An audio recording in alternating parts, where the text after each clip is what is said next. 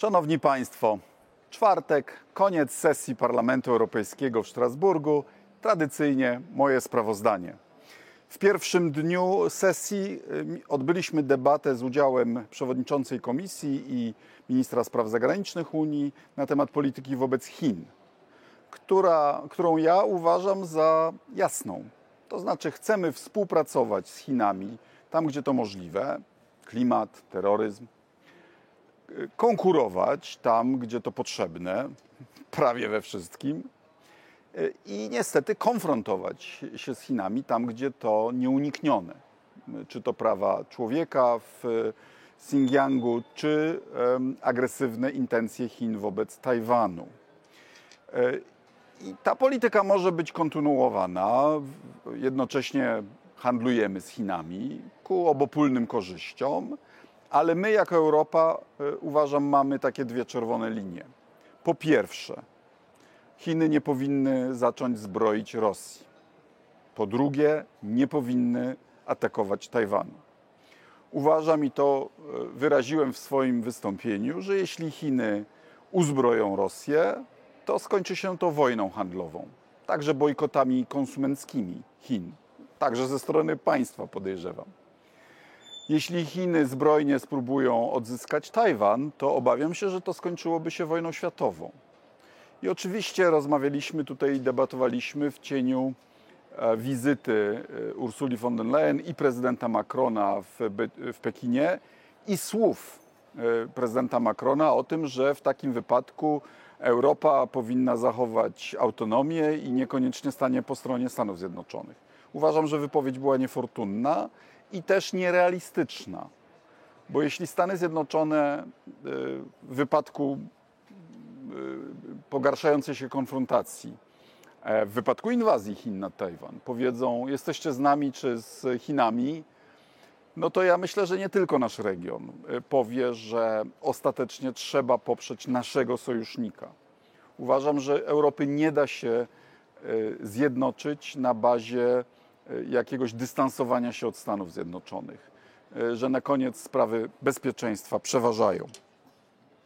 Zażądaliśmy uwolnienia w Rosji Aleksieja Nawalnego i Władimira Kara-Murzy. E, Nawalny zrobił z więzienia, gdzie siedzi, coś odważnego. Mianowicie oświadczył, że gdyby miał kiedyś wpływ na politykę Rosji, to nie tylko wycofałby wojska rosyjskie z Ukrainy, w tym Krymu, ale y, płaciłby też odszkodowania Ukrainie. Y, miał jakieś y, nieostrożne wypowiedzi w przeszłości, ale to naprawdę akt odwagi także wobec nieputinowskiej części rosyjskiego społeczeństwa i tym bardziej ma mój szacunek. Władimir Karamurza jest mniej znany, ale to bardzo szlachetny człowiek, którego uważam za prawie przyjaciela który dostał drakoński wyrok 25 lat więzienia tylko za to, że skrytykował wojnę w Ukrainie. To jest coś koszmarnego. Dzisiejsza Rosja jest bardziej represyjna niż schyłkowy Związek Radziecki, ma więcej więźniów e, politycznych, idzie, tak jak Chiny zresztą, w kierunku totalitaryzmu.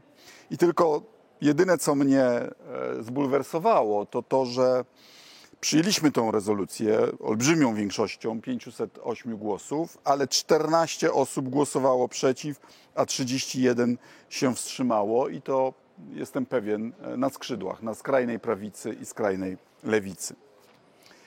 E, odbyliśmy też debatę nad nakazem aresztowania Putina przez Międzynarodowy Trybunał Karny. E, bardzo znaczące jest to, które kraje oświadczają, że go aresztują w razie czego a które nie. Na przykład Węgry e, pod władzą sojusznika PiSu mają z tym problem.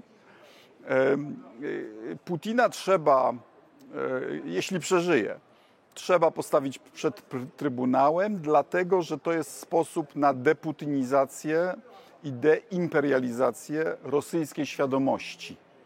A więc chodzi nie tylko o wymierzenie sprawiedliwości, tak jak w Norymberdze, ale także o efekt demonstracyjny dla samych Rosjan. Tam Rosja nie będzie normalnym sąsiadem i normalnym krajem, jeśli nie nastąpi tam przemiana świadomości, a taki publiczny e, proces karny byłby w tym pomocny. Potwierdziliśmy nasze zaangażowanie w członkostwo Mołdawii w Unii Europejskiej. Przyjęliśmy przepisy, które pomogą w walce z wylesianiem, co jest szczególnie ważne dla Polski, bo obsiadły lasy państwowe, obsiedli tam działacze Solidarnej Polski i, i, i, i sądząc po tym, co robią w mojej okolicy, to nie jest z tym dobrze. E, wreszcie przyjęliśmy e, przepisy, e, które mają realizować ten cel emisyjny redukcję emisji o 55% do 20, 2030 roku. Przypominam, że na to zgodziła się Rada Europejska z udziałem premiera Mateusza Morawieckiego. Oni teraz będą mówić, nie zgadzamy się, tu pani minister Moskwa, pan minister Ziobro, to jest coś, na co ten polski rząd się zgodził. To są przepisy wykonawcze. Y, parlament oddał hołd y, powstańcom y, w warszawskim getcie w 80. rocznicę. No i też obserwujemy stąd sprawę polskiego zboża. Znaczy obiecywano korytarze solidarnościowe, a więc coś, co nie wylewa się do polskich elewatorów na polski rynek, a po prostu otwarto granice. I teraz rząd obiecuje, że zrobi plomby y, tych wagonów, tego transportu, monitoring. A dlaczego tego nie robił przez rok? Znaczy, dlaczego zawiesił normalne działanie tego typu y, tranzytów? Y, I zamiast na Unię psioczyć, to powinien był już dawno prosić Unię o pomoc, bo to była wspólna europejska decyzja, aby pomóc Ukrainie poprzez liberalizację importu jej produktów żywnościowych.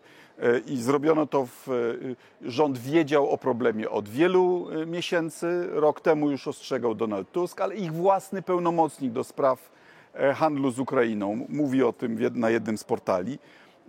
To jest naprawdę kryminalna nieudolność tego rządu i będzie jak z węglem. Znaczy najpierw nawalili, a potem furą publicznych pieniędzy będą nas ratować przed skutkami ich własnego nieudacznictwa.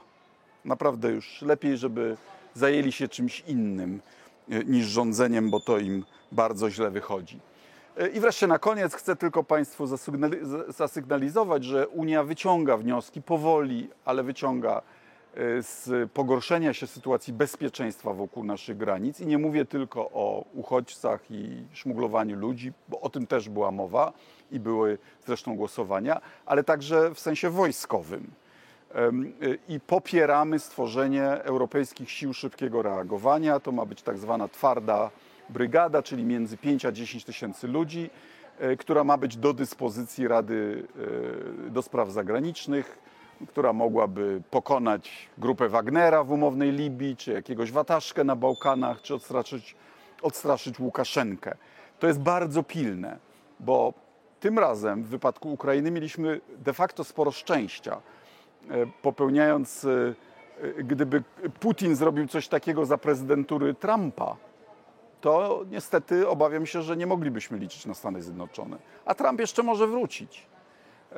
I dlatego, e, a poza tym Stany Zjednoczone mogą się zaangażować w ten konflikt z Chinami i wtedy nie będą miały fizycznych możliwości, żeby nam pomóc. Więc będę do znudzenia powtarzał, musimy wzmocnić naszą obronność, w tym obronność europejską, bo, bo nie wszystkie koszta obrony Europy powinny brać na siebie państwa graniczne. W naszym interesie jest, aby cała Unia składała się na zdolności do przeciwstawienia się Putinowi, a te zdolności powinny e, stacjonować tam, gdzie jest zagrożenie, czyli u nas. Tak byłoby mądrzej. Tak byłoby e, bardziej europejsko i bardziej patriotycznie dla Polski. Dziękuję za uwagę. Do zobaczenia.